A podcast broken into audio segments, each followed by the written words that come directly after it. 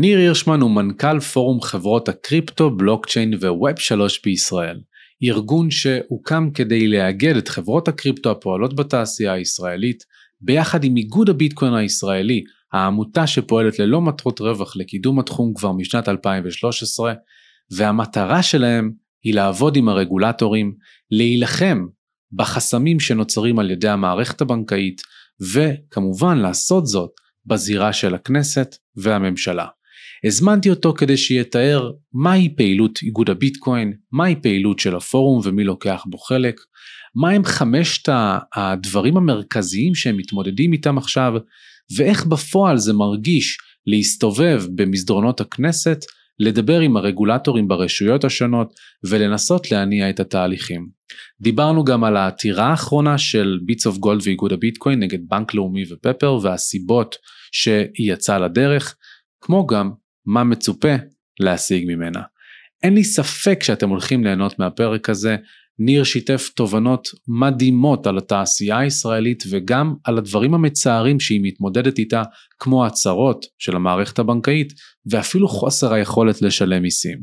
אני אשמח שתת... שתכתבו לי בסוף הפרק מה חשבתם עליו, שתפו אותי בתגובות או שלחו לנו מייל ל-info at cryptojungle.co.il כדי שנוכל גם לדעת להתייחס לזה בפרקים העתידיים. אתם מאזינים לפודקאסט מדברים קריפטו, הפודקאסט של Crypto Jungle, מרכז ה ecosystem של מטבעות דיגיטליים וטכנולוגיית הבלוקצ'יין בישראל. ב cryptojungle.co.il תוכלו למצוא את כל מה שאתם צריכים על התחום, החל ממידע למתחילים, קורסים למתקדמים בהיבטים של מסחר, השקעה, ואפילו חדש מהתנור, הסמכה רשמית מקצועית, ביחד עם הלשכה לטכנולוגיות המידע בישראל.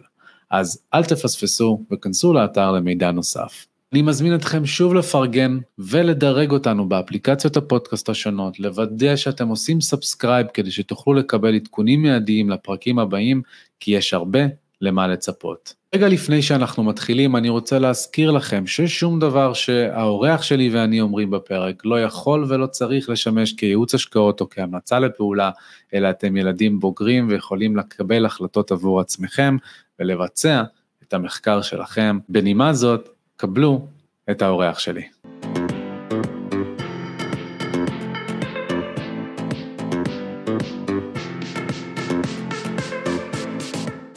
ניר הירשמן, מנכ"ל הפורום חברות הקריפטו, בלוקצ'יין וווב 3 בישראל, נכון? תיארתי נכון? לא, לא היינו יכולים למצוא שם ארוך יותר כדי לתאר אה, תחום ספציפי יותר. תאמין לי שאני נמצא באותה בעיה בבחירה של השמות לקורסים ו- וכל הדברים האלה, זה באמת uh, מצחיק כמה שמות מחוברים לנו ל- לתעשייה. אוקיי, אני אגיד לך מה, אני אגיד לך, זה, זה דבר שהוא נורא נורא נורא חשוב, כי הרי בעצם הסיפור שאנחנו מתעסקים בו, הרי נובע הכל, אתה יודע, פה על הקיר, הצופים לא רואים את זה, יש את ה-white paper של ביטקוין, אז כל הדבר הזה יצא בעצם מביטקוין. אבל הדברים שמתפתחים מביטקוין, ביטקוין הוא לא רק מטבע דיגיטלי, הוא פתח את העולם לאיזושהי סוג של כלכלה חדשה ומבוזרת וכן הלאה. ואז אנחנו מנסים לתת לזה שמות, זה קשה לנו לתת שמות כי גם הדברים מאוד מתפתחים.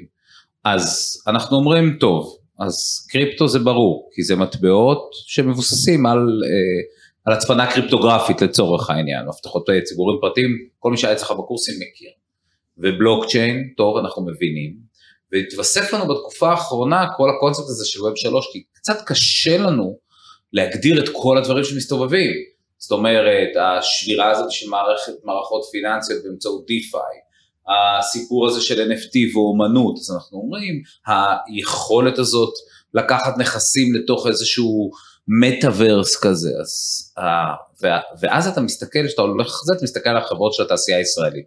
החברות הישראליות, אתה אומר בואנה במה הן מתעסקות, כאילו במה החברות הישראליות המשמעותיות מתעסקות, כבודם במקומם מונח של הברוקרים והסוחרים, אבל זה לא הרבה, בסוף החברות הישראליות בונות תשתיות, תשתיות מאוד גדולות, קח לדוגמה את StarkWare ואת Fireblocks שנמצאות אצלנו, אנחנו מתכבדים בכך שהן נמצאות אצלנו בפורום, StarkWare בונה תשתית עצומה שלוקחת את איתריום ודוחסת אותו, ו Fireblocks היא אולי פתרון האבטחה המוביל בעולם, ו Blox לוקחת את הסיפור של staking ומבזרת אותו.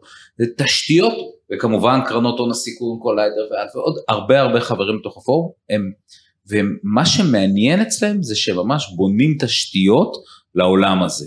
אני חושב שזה כן. הדבר המרתק. ואני אני אוהב להסתכל על זה גם מהפרספקטיבה של המשווק, בסופו של דבר, אה, לטוב ולרע, כשאתה רוצה להגיע לקהל יותר רחב, אתה צריך לבנות סיפור, אתה צריך לבנות נרטיב, וכשיש מצד אחד את ההתנגשויות בין מי שמדבר על בלוקצ'יין, לא קריפטו, ומצד שני מי שבא ואומר אין קריפטו בי בלוקצ'יין, ויש את אלה שאומרים זה רק ביטקוין, אז הכל איכשהו מתכנס לתוך הנרטיב הזה שבא ומדבר על ווב שלוש, שבו הזכות הקניין הדיגיטלית חוזרת אלינו נקרא לזה ככה, ויש לנו גם בעלות על מה שאנחנו יוצרים ברשת. אבל בוא נלך אחורה. קדימה. אני אשמח לשמוע מי זה בכלל ניר הירשמן. הרי בסופו של דבר אני חושב שלכולנו יש כזה חלוקה בחיים ללפני ואחרי, כי, כי כולנו יודעים איזה תעשייה מטורפת וכמה הכל משתנה ברגע שאתה לוקח בה חלק. אז מי זה ניר הירשמן שלפני הקריפטו, מה, מה הוביל אותך לאיפה שאנחנו היום? אז עד 2015 בעצם, בואו ניקח עוד צעד אחורה, אני בעצם הייתי מה שנחום ברנע פעם כינה עכבר לשכות.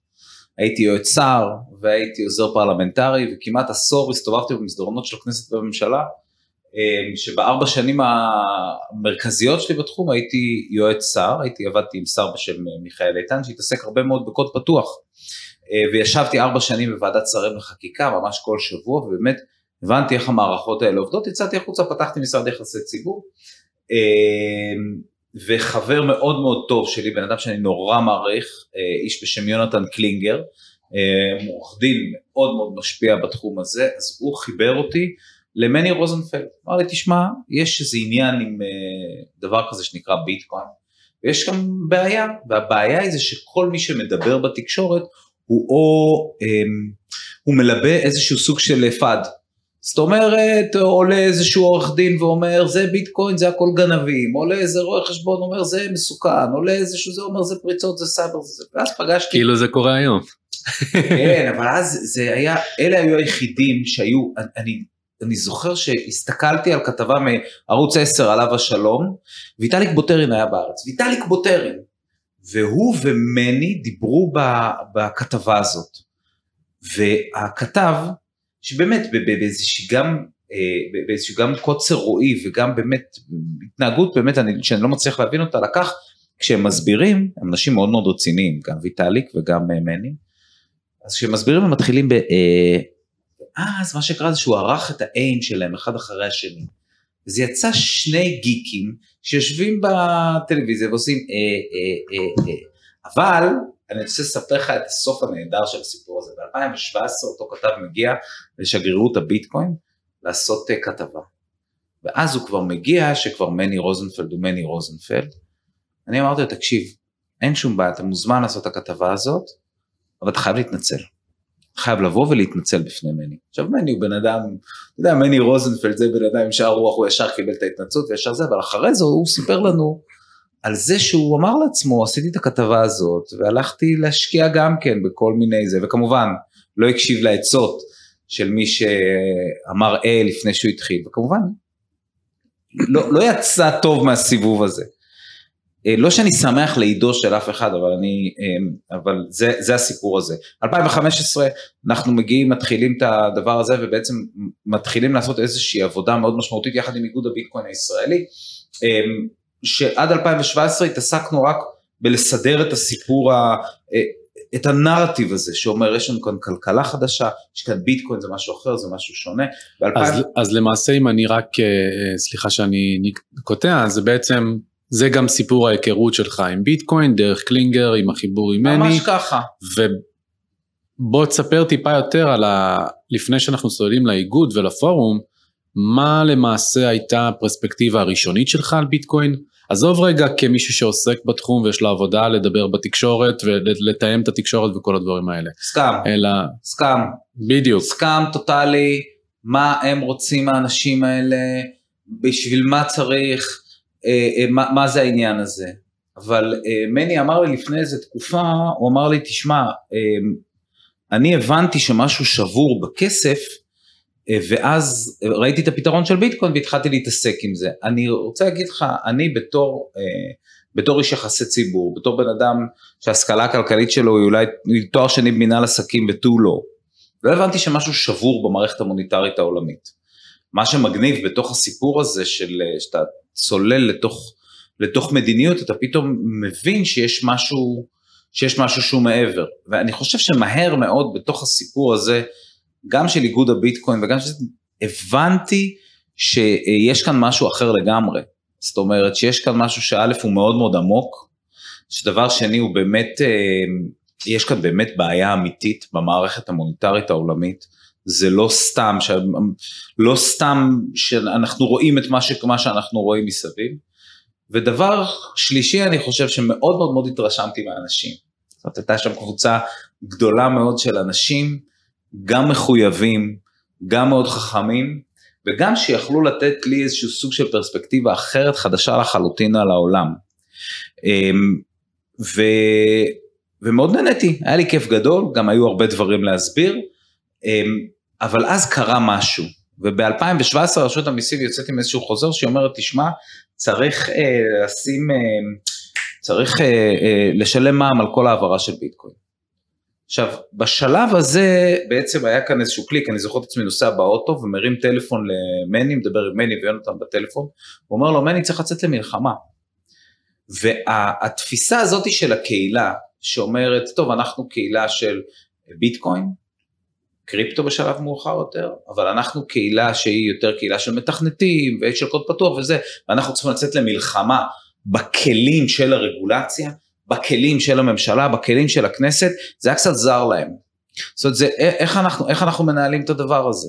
מה זה לא שכאילו שואלים אותנו ואנחנו נותנים את התשובה הנכונה ואז כאילו עושים את הדבר הנכון כי עושים את זה, לא, יש כאן סבך של אינטרסים שצריך לנהל אותו ושם היכולות שלי בתור אה, מצד אחד בתור מי שאתה יודע רץ במסדרונות ויודע לאן לפנות ימינה ולהגיע למזנון הח"כים ולאן לפנות שמאלה ולהגיע אה, לעיתונאים, לתא הכתבים של הכנסת, ידעתי פחות או יותר מה אנחנו צריכים לעשות, יצאנו למאבק, הצלחנו בדבר הזה. הוצאנו בעצם את הסיפור של המע"מ מה... הוצאנו את הסיפור של המע"מ מהסיסטם של אה, מס הכנסה, עשו את זה בצורה אחרת אבל הבינו שאי אפשר לעשות, אה, אי אפשר להטיל מע"מ על כל העברה של ביטקוין, אני חושב שברמה הזאת הצענו את התעשייה אז, ואז אמרנו לעצמנו שנותרה עוד בעיה אחת, וזה רק שהבנקים, שהבנקים חוסמים אותנו בעצם, זאת אומרת בן אדם שמוכר ביטקוין או מוכר כל מטבע דיגיטלי אחר, מקבל שקלים, הוא לא יכול להפקיד את השקלים האלה בבנק.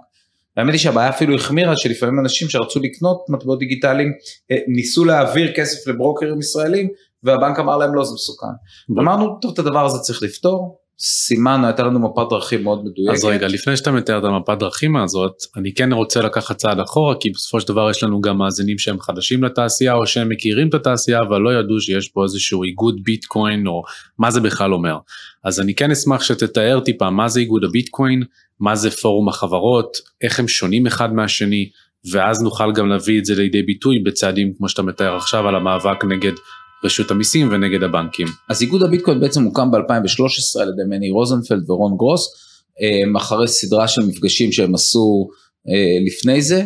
בעצם ב-2015 אני הצטרפתי אליהם, האיגוד מטפל בעיקר בכל מה שקשור בחינוך, בכל מה שקשור בלהחזיק את הקהילה, לפתח אותה, לקדם שימוש במטבעות דיגיטליים וכן הלאה, אבל כמו שאמרתי לפני דקה, ב-2017 צץ הדבר הראשון של זה, אבל כבר אבל אמ, ממש בתקופה האחרונה כבר התחלנו להרגיש חזק מאוד שקורה עוד משהו. זאת אומרת, אנחנו חשבנו שנותרה לנו בעיה אחת, לפתור אותה, ושזה בעיית חסימות הבנקים. חיכינו שתעבור איזושהי חקיקה, היא עברה, חיכינו שיעבור צו איסור הלבנת הון, הוא עבר, ואמרנו לעצמנו, זהו, הכל נגמר. באמת חשבתי שאנחנו יכולים לקפל את הבסטה. ואז אה, קרו שני דברים, קודם כל הבנקים לא הפסיקו לחסום העברות, אה, מאוד מצער. והדבר השני שקרה זה שממש לפני שנה ומשהו בחוק ההסדרים גילינו שרשות המיסים on top על אה, כל הדברים הגרועים שקורים בתעשייה ושלא מאפשרים לתעשייה הישראלית להתפתח מבקשת שכל מי שמחזיק מטבעות דיגיטליים בסכום של מעל 200 אלף שקל שבאמת אלוהים יודע איך אתה מחשב את זה צריך לדווח. לא על מכירה, לא על... צריך לדווח את זה. ובאמת הלכנו לרשות המיסים הבאנו ל... אה, אה, רשות המיסים איזשהו מכתב של משקיעים, זה פעם ראשונה שאני מספר את הסיפור הזה, אני חושב בפומבי, אבל חשוב לספר את הסיפור הזה. ורשות המיסים הסתכלו עלינו מאוד, בצורה מאוד מאוד אה, זה, ואמרו לנו, בסדר, אנחנו מבינים, אבל אה, לא נראה לנו שאתם צודקים ולא נראה לנו שזה יפגע כל כך בתעשייה. ואז עשינו את ואז אה, העלינו בפניהם את הבעיה של פרטיות. העלינו בפניהם את הבעיה של פרטיות, אמרנו תשמעו יש בעיות, אמרנו תשמעו אצלנו אין בעיות של פרטיות. ואז שלחנו תחקירנים והראינו להם שקיימת בעיה של פרטיות across the board בממשלה. מסתבר ששוטרים מסתכלים, ב, שוטרים, כששוטרים עוצרים בן אדם, הם, הם מסתכלים אחרי זה לבדוק קרובי משפחה. ומסתבר שאנשים משתמשים במאגרי המידע של הממשלה כדי לעשות כל מיני דברים שקשורים לעצמם. ומתברר שיש לא מעט עובדי מדינה, אחוז ניכר של עובדי מדינה, שההרשאות שלהם בנציבות שירות המדינה, הם הרשאות על חדירה למאגרי מידע שלא כדין. והדבר הזה הזיז אצלהם משהו, הם אמרו וואלה, יש פה בעיה. הם לקחו את זה לתשומת ליבם והוציאו את זה מחוק ההסדרים. ואז הבנו שיש כאן, שנוצר כאן איזשהו משהו. יש את האיגוד שמייצג את הקהילה, אבל אין אף גוף שממש מתעסק באינטרס של התעשייה. עכשיו בוא נדבר שנייה אחת מה זה אומר תעשייה בישראל. תקשיב, 2021 סטארט-אפים ישראלים גייסו 1.726 מיליארד דולר מכספים של VC רק בקריפטו. אתה יודע כמה גייסו בכל העולם? 30.2 מיליארד. זה אומר 5.226 אחוז מהגיוס כספים בכל העולם חברות הלך לחברות ישראליות. ואז כשאנחנו הולכים ושואלים את החברות, טוב, אז מה אתן מתכנניות?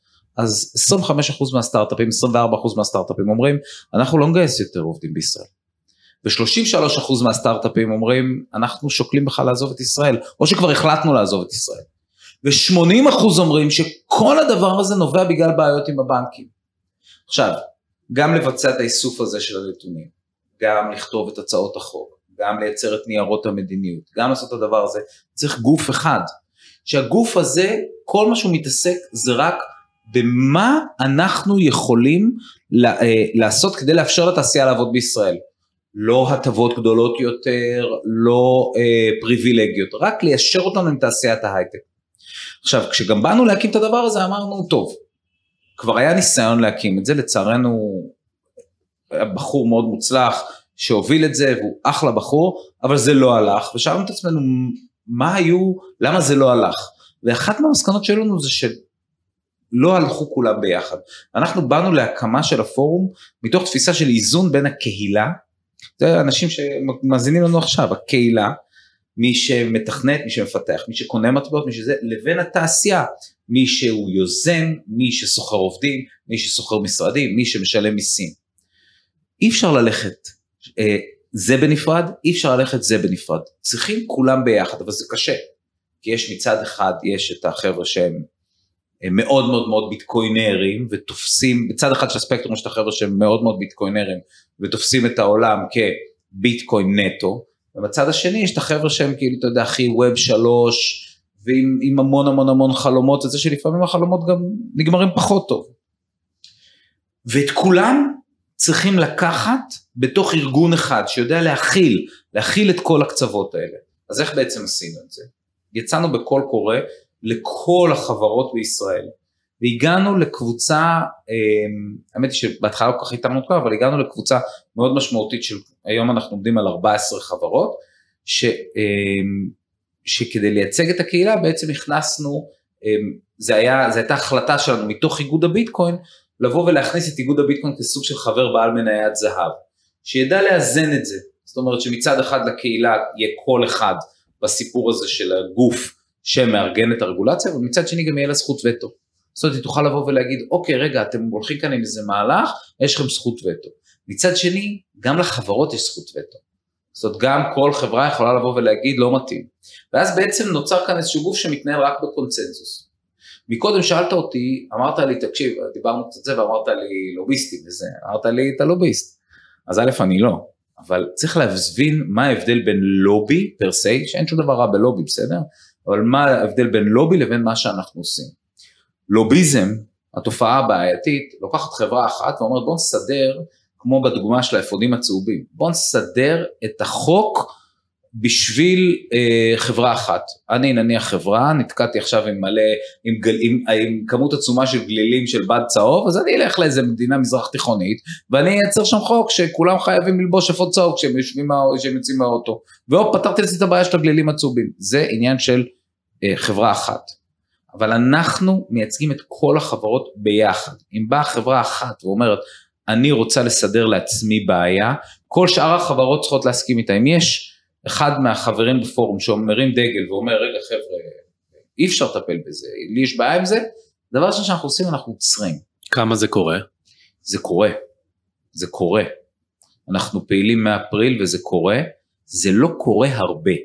למה? כי הבעיות המשמעותיות הן כל כך מג'וריות, הן כל כך גדולות, שיש לנו עד מעל הראש לטפל. אני אתן לך דוגמה, רשות שוק ההון יצא עכשיו בחוזר, שמסדיר את הקסטודיאן, זאת אומרת מי יוכל להחזיק עבורך את הכסף. את ה... אני אומר הכסף, המאזינים שלך בטח יודעים, המאזינים עצמם שלך בטח יודעים, שאני אומר כסף אני מתכוון לביטקוין. בטח.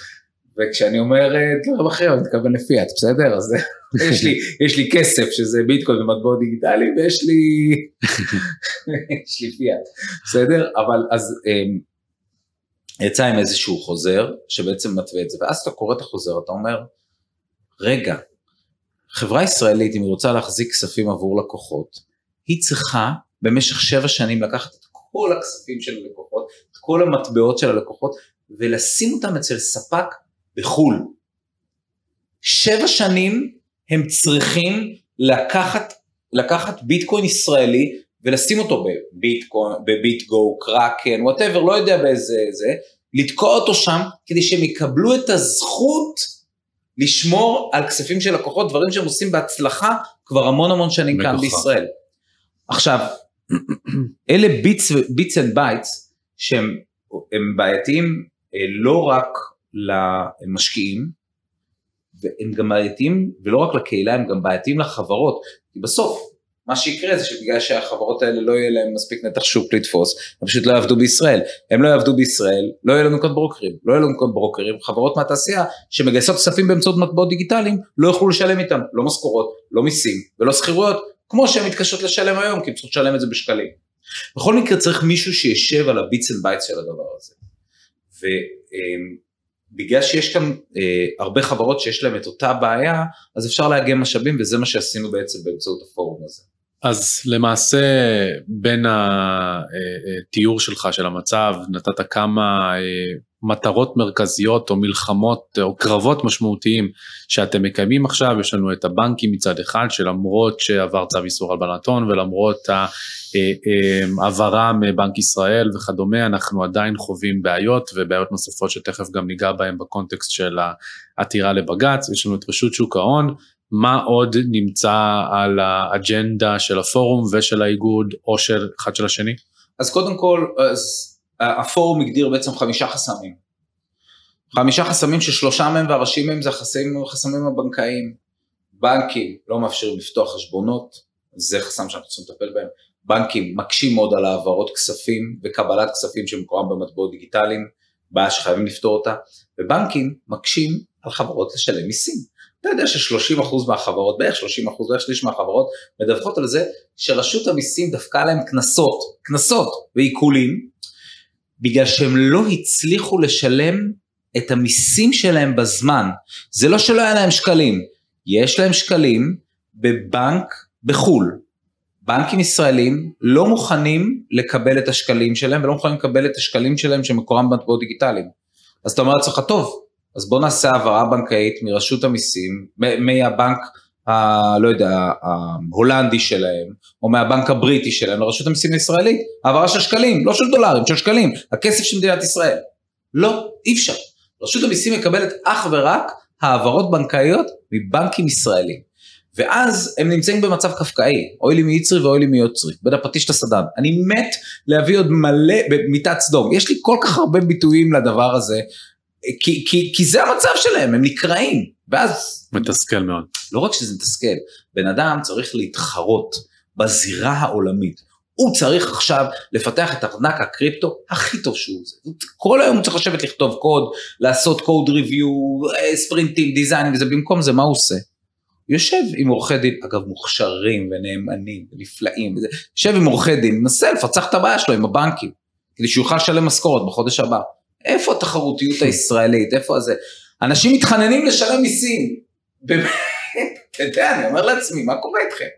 אז קודם כל הבעיה הבנקאית. הבעיה השנייה זה שהתעשייה, תעשיית המטבעות הדיגיטליים בישראל סובלת מאפליה אל מול תעשיית ההייטק.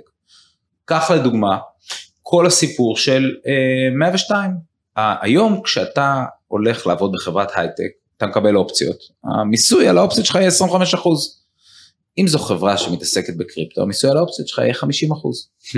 אם אתה משקיע זר, אתה לא תצטרך להגיש דוחות על מה שאתה עושה בישראל.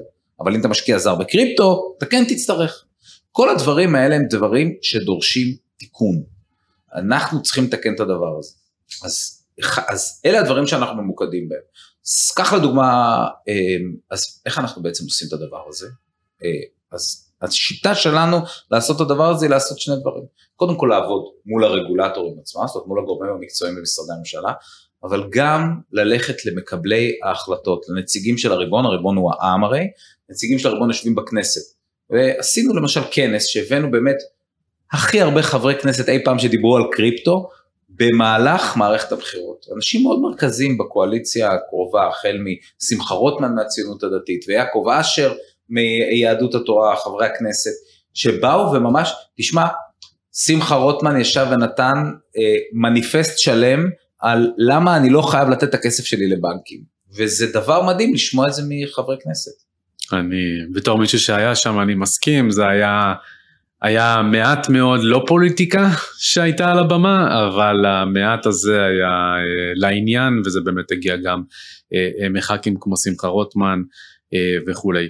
בוא נדבר על ההתפתחויות שיש לנו עם בנק לאומי. בסופו של דבר, בנק לאומי ופפר, שזה בתכלס אותו דבר, אה, הצהירו כבר במרץ שהם עומדים להשיק שירות מסחר בקריפטו שיאפשר ללקוחות הבנקים אה, לקנות ולמכור ביטקוין. אה, זה היה כמובן כפוף לאישור בנק ישראל ולפני בערך חודש אנחנו מקבלים את האישור הזה וכבר קופץ לנו באפליקציה של לאומי לשונית קריפטו שיצאנו על זה בדיווח ב Crypto Jungle דיווח ראשוני. ו... פתאום יש עתירה, עתירה שמגיעה גם מ Bits of Gold, הברוקר הוותיק ביותר בישראל שפועל כיום ומהמובילים בתעשייה, אה, וגם בשיתוף עם איגוד הביטקוין. אז ספר לי קצת מהפרספקטיבה של האיגוד ושל Bits of Gold, מהידיעה שלך לכל הפחות, כמה שאתה יכול אה, לייצג את דבריהם, מה עומד מאחורי העתירה הזאת, למה, מה, מה זה אומר, מה השלבים הבאים, למה אפשר לצפות ומה המטרות של העתירה. אז קודם כל צריך לעשות, אה, להסביר כאן את ההבדל. לעתירה הזאת הצטרף איגוד הביטקוין הישראלי ולא פורום החברות. הסיבה שפורום החברות אה, לא הצטרף, אה, או ליתר דיוק שאיגוד הביטקוין זה בגלל החלוקה, כפי שהסברתי אותה מקודם, איגוד הביטקוין מטפל בענייני קהילה וזה עניין קהילתי.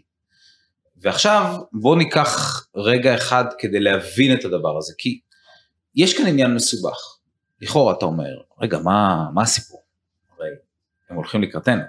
והם גם יגידו עכשיו, דבר נכון ואמיתי, הם הרי עד עכשיו אחזו באיזושהי פוזיציה שאומרת, מטבעות דיגיטליים, ביטקוין זה מסוכן, זה זה, אל תיגעו, אל תזה, אל תתר... שומר נפשו ירחק, ופתאום הם יצטרכו להגיד את הדבר שאנחנו מבינים ומאמינים, שזה טוב, זה בסדר גמור, ואפשר להחזיק מטבעות דיגיטליים.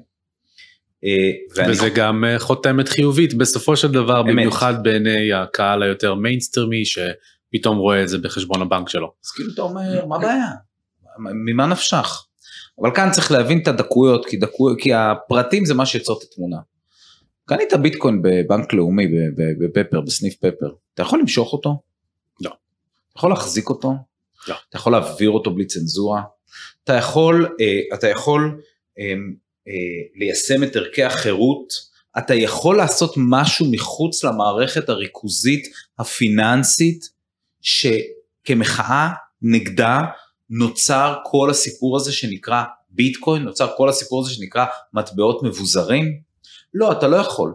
זה, בהקשר הזה זה קצת כמו להגיד, אולי תקנה מניה שנותנת לך חשיפה לשער הביטקוין, שגם זה בסדר גמור, אני לא נגד, אבל בוא נקרא לזה בשם של זה.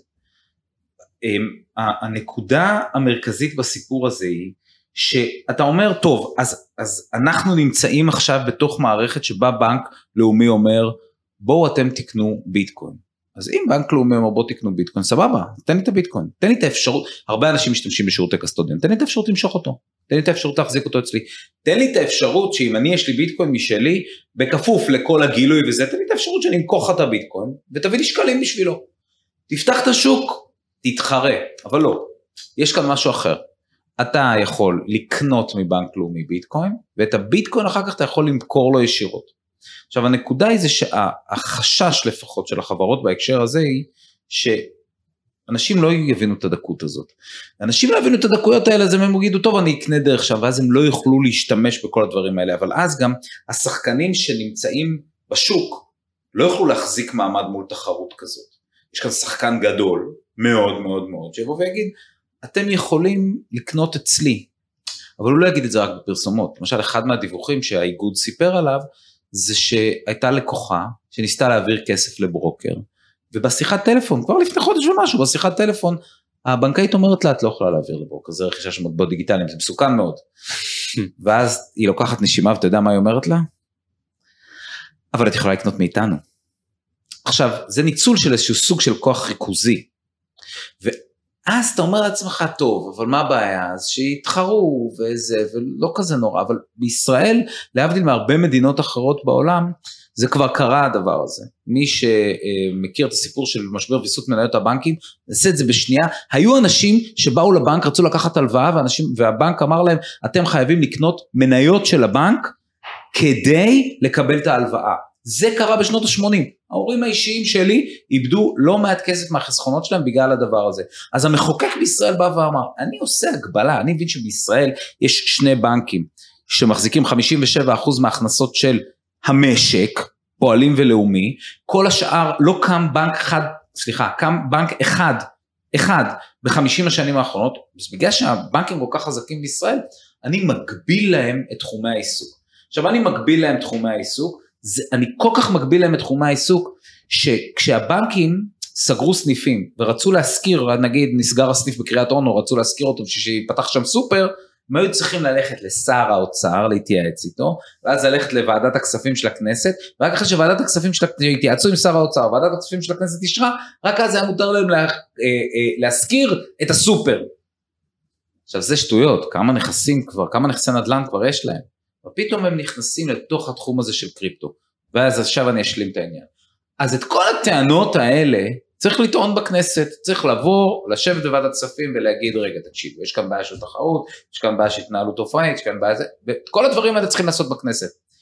וזה הנוהל, זה גם מה שכתוב בחוק. העתירה אומרת דבר אחד, תקשיבו, תעשו את זה כמו שכתוב בחוק.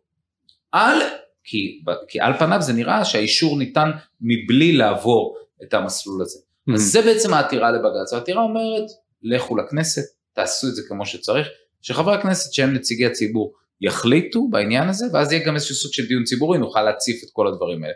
ואז אולי ייכנסו לזה איזונים, אולי יגידו לבנק לאומי אה, או לכל בנק אחר, תקשיב, אתה יכול למכור, אבל אסור לך להחזיק את זה רק אצלך, אתה צריך לתת לבן אדם אפשרות למשוך את הנכס, זה הרי אסט קלאס שונה לחלוטין, זה לא מניה, אתה לא נכון. חייב להחזיק לו את זה.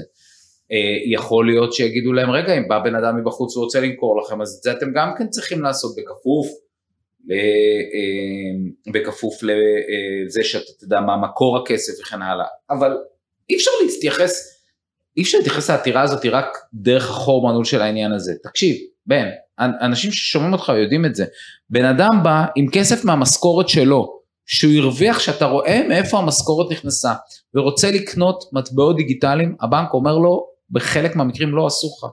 בן אדם בא שכבר קנה מטבעות דיגיטליים, מהכסף של המשכורת שלו, הם לא זזו לשום מקום, הוא רוצה למכור לבנקים, הוא רוצה למכור את הכסף הזה באמצעות ברוקר, שיש לו רישיון, או שיש לו אישור המשך עיסוק, והוא מוכר באמצעות הבוקר, והוא רוצה להכניס את השקלים לתוך הבנק שלו, הבנק אומר לא, אני לא מסכים לקבל.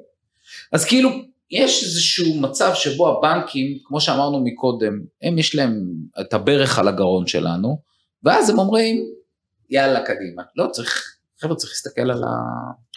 כן, לגמרי, תראה, בסופו של דבר, אה, בתור... אכלתי את הראש, אלוהים. למה? זה מאוד מעניין, זה מאוד חשוב גם.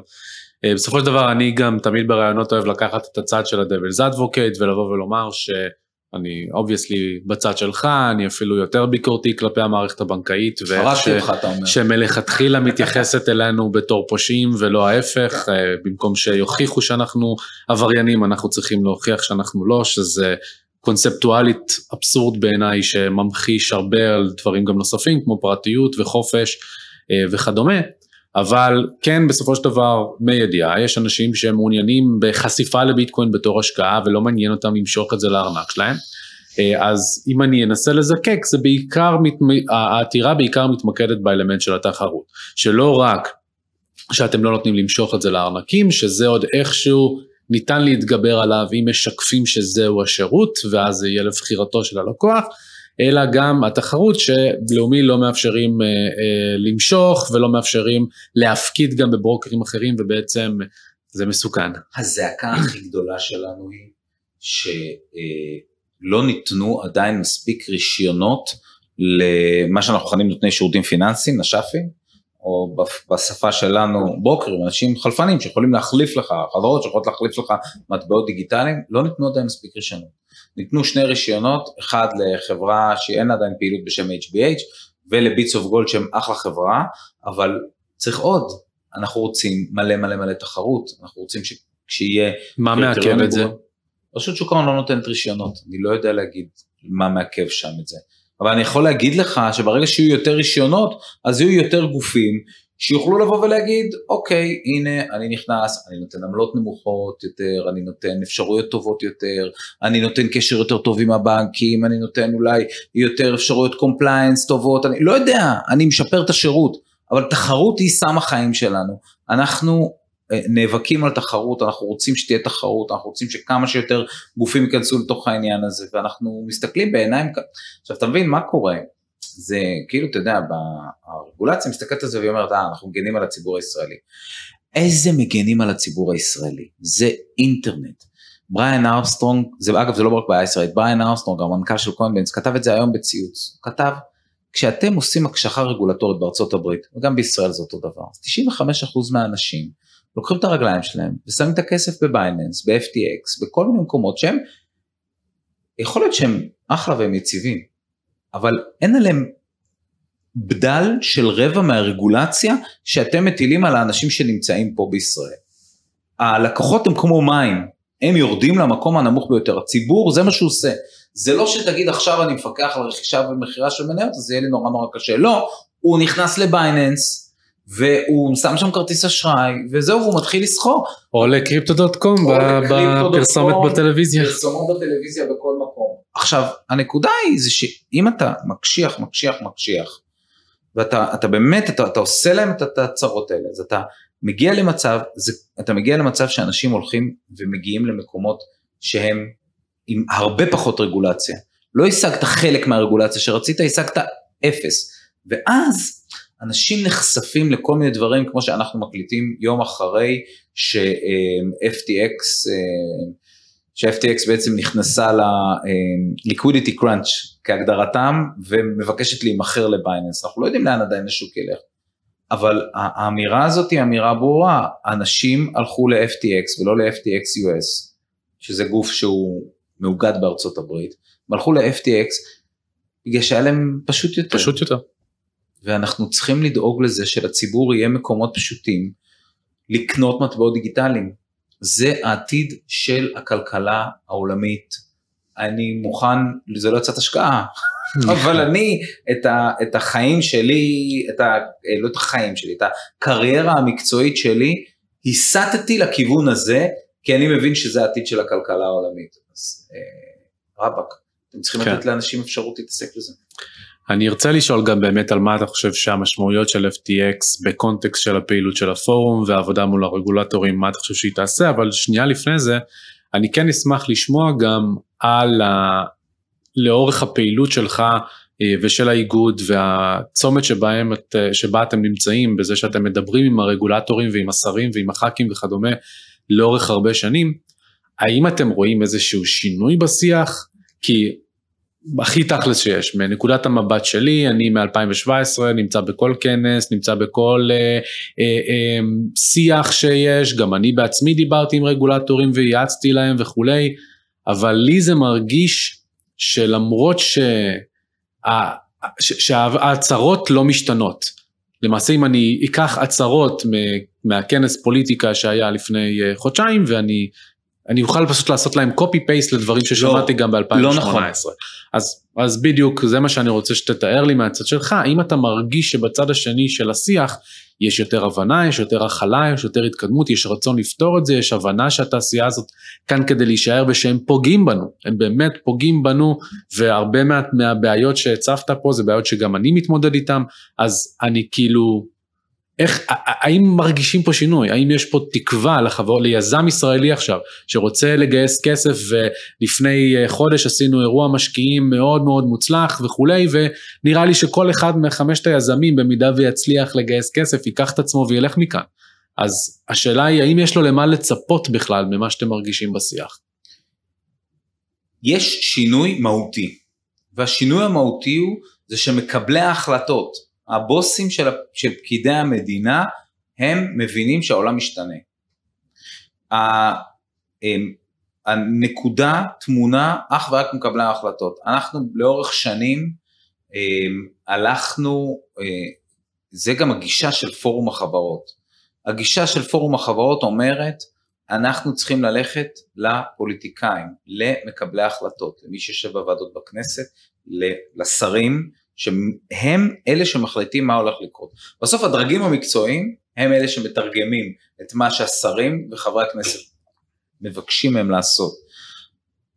שחברי הכנסת בתורם הם מיישמים את האידיאולוגיה שבשמם הם נבחרו. אמ, יש שם רע מאוד לפוליטיקה, מכל מיני סיבות. זהו, צריך להוסיף שם לכאורה. יש, כן, יש שם רע לפוליטיקה, אבל אני חושב שזה המוצא היחידי שלנו להשפיע על המדינה שבה אנחנו חיים. אמ, בתי המשפט פוסקים על פי החוק, והחוק נכתב לפני עשרות שנים. לא משנה איזה חוק, גם החוק שקובע שביטקוין הוא לא מטבע נחקק, לא בדיוק קובע שביטקוין הוא לא מטבע, הוא מגדיר מטבעות בצורה, בצורות אחרות, הוא נחקק לפני המון זמן. אבל אם יהיה חוק שאומר שביטקוין הוא מטבע, אז בתי המשפט יצטרכו לשפוט על פי החוק. וגורמי המקצוע בממשלה יצטרכו אה, לטפל בדברים על פי אה, אה, איך שמקבלי ההחלטות מכוונים אותם. אנחנו חייבים לעבוד בצורה משולבת. עכשיו זה נכון, יש כל מיני דיבורים, כל הזמן יש כל מיני דיבורים, זה איזושהי העלאת, אה, צריך להבין משהו, הממשלה, אני לא רוצה להידרדר לקלישאה, הם באמת לא בקצב של סטארט-אפים. עכשיו הנקודה היא שאנחנו יכולים לעמוד ולהגיד להם תקשיבו אתם מפספסים כאן את התעשייה. אבל אני רוצה, לה, אני רוצה להסביר את הנקודה שאני, שזו הנקודה שאני מנסה להעביר. תקשיב 1.726 מיליארד דולר שאמרנו ב-2021, שאגב הם לא כוללים, בינואר הייתה עוד השקעה של חצי מיליארד דולר בפיירבלוקס, אגב חברה ישראלית יושבת בישראל הכל נהדר. אבל החברות האלה שהשקיעו בהם 1.726 מיליארד דולר, איפה הכסף הזה הולך? מה זה כסף שנכנס למשק הישראלי? מה זה כסף ששוכרים כאן 200, 500, 400, 700 עובדים? לא. שוכרים את העובדים האלה בפורטוגל למען השם. שוכרים את העובדים האלה בגרמניה וברימוט. ומשקיעים ישיבה אחרי ישיבה, אומרים, עכשיו אנחנו באים, משקיעים ישיבה אחרי ישיבה, באים לבורדים של חברות ואומרים להם ישראל זה סיכון. איפה נקודת האור? נקודת האור נמצאת בשני מקומות. קודם כל, 33 שוקלים לעזוב, אבל 67, אבל שני שליש מהחברות הם פה בישראל כדי להישאר.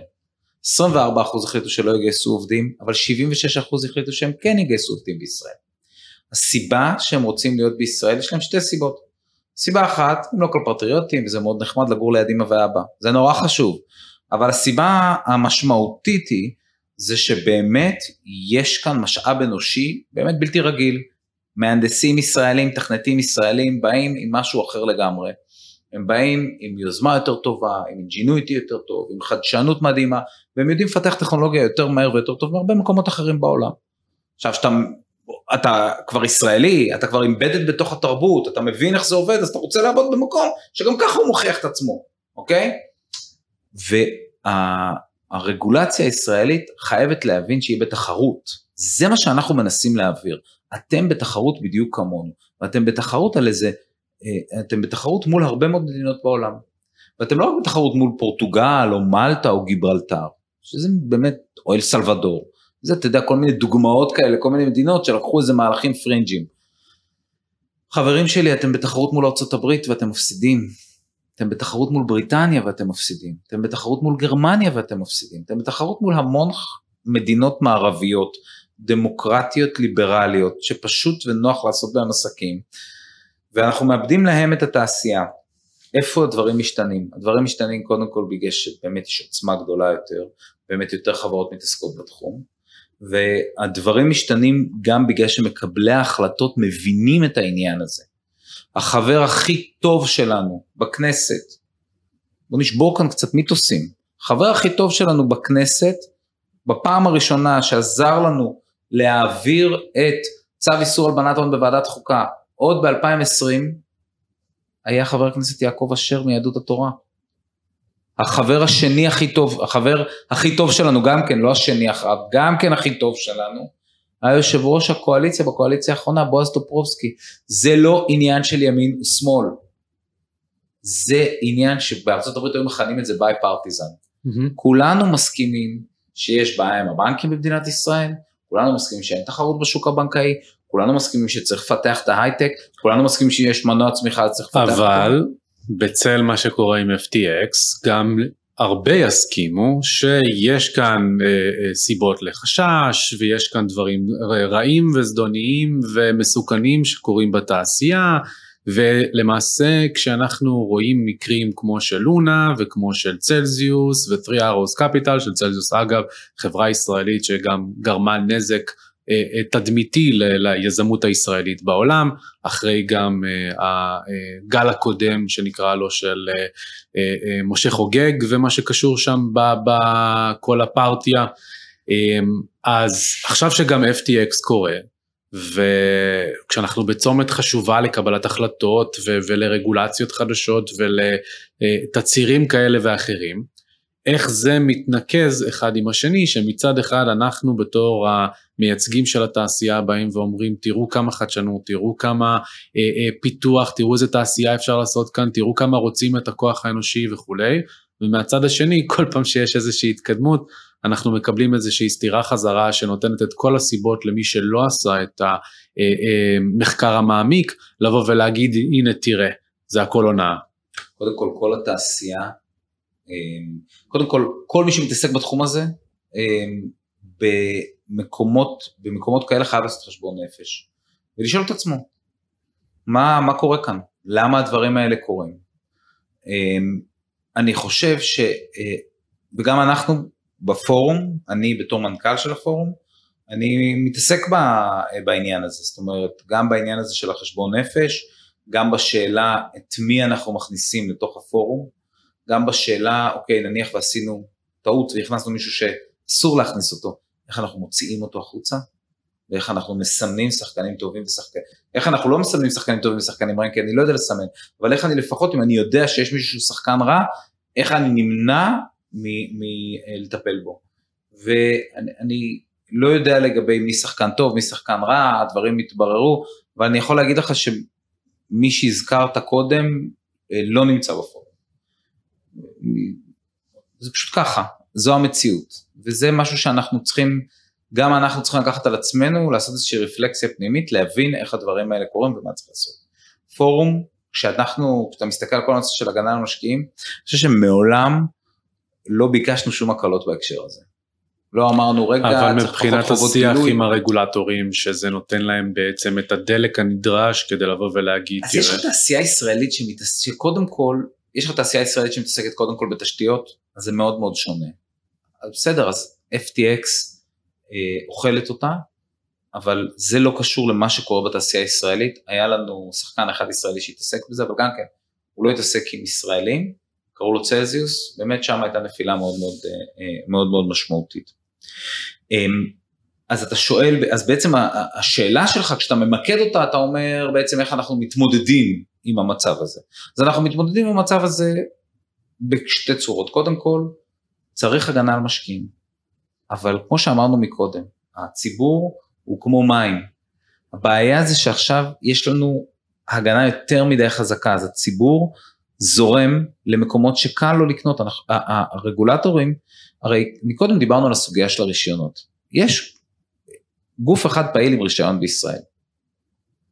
אם היה אפשר לתת יותר רישיונות, לעבוד יותר מהר, להסביר את, ה, להסביר את הכללים בצורה טובה יותר, לעשות את כל תהליך קבלת הרישיונות הרבה הרבה הרבה יותר שקוף, יהיה להם צ'קליסט, כמו, ב, אמ, כמו בבנק העולמי יש לו מדד doing business, שהוא שואל את עצמו כמה קל להקים עסק בישראל. אם היה נורא נורא נורא קל, לא היו קריטריונים נורא נורא נורא ברורים לקבל רישיון נותן שירותים פיננסיים, גם אם היו קריטריונים גבוהים, אבל אם היה נורא נורא נורא קל, אז היינו רואים צצות עוד בורסות ישראליות, עוד exchange ים ישראלים, שוואלה, יש עליהם סטמפה, יש להם, יש להם מספיק גיבוי, יש להם מספיק גב כלכלי, הן מספיק שקופות, ההוכחות על זה שהן מחזיקות את הכסף, קצת כמו Coinbase, נמצאות, אפשר לעקוב אחרי הדבר הזה, ואז היו לך הרבה שחקנים, היה בא בן אדם ואומר וואלה אני רוצה ללכת ולהשקיע את הכסף שלי באיזושהי בורסה עלומת שם מאיפשהו בצד השני שלו, אמרו לו לא, יש לך ישראלי, תחזיק אצלו, הוא מפוקח על ידי ישראלים. הרגולציה הישראלית עושה משהו הפוך, היא אומרת לישראלים, תקשיבו, קודם כל אני, מער... אני שמה עליכם כזאת כמות של קשיים שאתם לא תוכלו לעבוד בארץ, ואחרי זה גם אם אתם תרצו לעבוד בארץ, אני מחייבת אתכם להשתמש בספקים, בספקי משנה, שהם מפוקחים במקום אחר בעולם. ואז, לא רק זה, אני מחייבת אתכם ללכת לספקי המשנה האלה ולהחתים אותם שהם כפופים לרגולציה הישראלית. עכשיו, אף שחקן ישראלי לא יוכל לעשות את זה. פשוט לא יוכל לעשות את זה, זה לא משנה, זה, כאילו תחשוב על זה, זה בא איזה גוף, בטח. פקקתי עם, אה, אה, עם מחזור של כמה עשרות מיליוני שקלים, והוא יבוא לאיזה חברת ענק שמריצה מיליארדים, יגיד להם, תקשיבו, אני צריך שיבוא לכם כל יום על ספורט. לא, הם פשוט לא יהיה אכפת להם, ואז הציבור הישראלי שרוצה להתעסק מזה הוא כמו מים, הוא יזוז למקומות לא מפוקחים, ואז שוב פעם הוא יגיע למקום לא מפוקח, ואז שוב פעם המקום הזה יתמוטט, ואז שוב פעם יגידו זה רע, זה רע, זה רע. אז זה דבר ראשון, אנחנו צריכים איזושהי רגולציה שהיא מסוגלת להכיל את זה. ודבר שני, אנחנו באמת צריכים להבין שזה הכיוון שאנחנו הולכים. הבעיה המרכזית שראינו, גם ב-FTX, גם אה, במקומות אחרים, היא של שחקנים ריכוזיים. בואו נחזור על זה עוד פעם. זה שחקן ריכוזי שהחזיק כסף של לקוחות ועשה איתו כאלה דברים או אחרים. אנחנו בעולם המטבעות הדיגיטליים המבוזרים. אנחנו רוצים שחקנים ריכוזיים. יש בחור בשם אודי ורטהיימר מהקהילה שכל הזמן אומר את זה. אתה רוצה שחקן ריכוזי, תלך לבנק. אתה רוצה שמישהו אחר ידאג לך לכסף, ש... תלך לבנק, אוקיי? אז אנחנו רואים עכשיו קריאה למשל בשוק העולמי, גם CZ, המנכ"ל של, אה, המנכ"ל של Binance אומר, רגע, אנחנו צריכים עכשיו להוכיח הוכחות קריפטוגרפיות של כל הערבויות, ה collateral שאנחנו נותנים, אולי זה מה שאנחנו צריכים לעשות. בריאן ארמסטרונג, המנכ"ל של Coinbase, אגב, בורסת קריפטו שהיא מפוקחת, היא בנאסד"ק, זאת אומרת זה מפוקח, זה דוחות, זה באמת הכי הכי הכי, mm-hmm. הכי הכי מפוקח שיש, הוא אומר תשמעו, אנחנו צריכים אולי להחיל על עצמנו סטנדרטים חדשים של שקיפות, לשים את הדברים יותר ב DeFi, לשים את הדברים יותר on-chain. יש גם את כל העבודה של אה, קייטלין לונג בוויומינג, שאני משער שאתם אה, משתמשים בה, שהיא הצליחה להעביר שם את הבנק הראשון אה, שעוסק במטבעות נכון, דיגיטליים נכון, ומאפשר נכון. רזרבה מלאה שקופה, בדיוק כמו שמתואר עם cryptographic Merkle tree proofs, זה בעצם הבורסות יוכלו להוכיח בצורה שוטפת, בצורה עקבית, בדיוק כמו שקורה עם בנקים היום שעונים לקריטריונים מסוימים של נזילות, הם צריכים יום אחרי יום אחרי יום לדבר עם בנק ישראל ולהוכיח לו שהם באמת אה, מספיק נזילים כדי להתמודד עם רף מסוים של הפקדות. זה ה-FTXים האלה, ה-FTXים האלה, אני לא יודע לגבי חברות אחרות, אבל FTX כזה, אין לו בנק ישראל להסתכל עליו. עכשיו, החבר'ה הישראלים שעובדים בתחום הזה, ואני אומר חבר'ה, אבל התאגידים הישראלים המאוגדים, ואלה שנמצאים טרם המשך עיסוק, ואלה ש... הם, כשאנחנו מדברים על הפרדה של כספי לקוחות, אז יש חובות דיווח.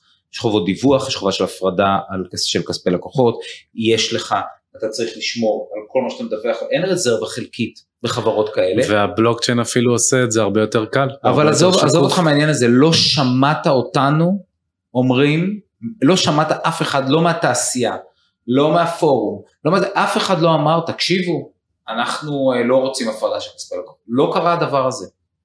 אף אחד לא אמר, רגע, אנחנו רוצים אה, לעבוד ברזרבה חלקית, אנחנו רוצים להיות בנק. לא, בנקים זה בנקים, קריפטו זה קריפטו, צריך לעבוד בצורה שונה, צריך להגן על כספי לקוחות, צריך להגן על כספי משקיעים, צריך, לפ... צריך לייצר את הפיקוח הזה, אבל הבעיה היא זה שהדבר הזה הוא סוג של אה, תירוץ. אבל תדע מה, אני אקח אותך לעוד שלב אחד אה, אחורה בהקשר הזה. יש לנו זמן מה, לזה? כן, יש לנו, יש לנו עוד בדיוק שתי דקות לזה.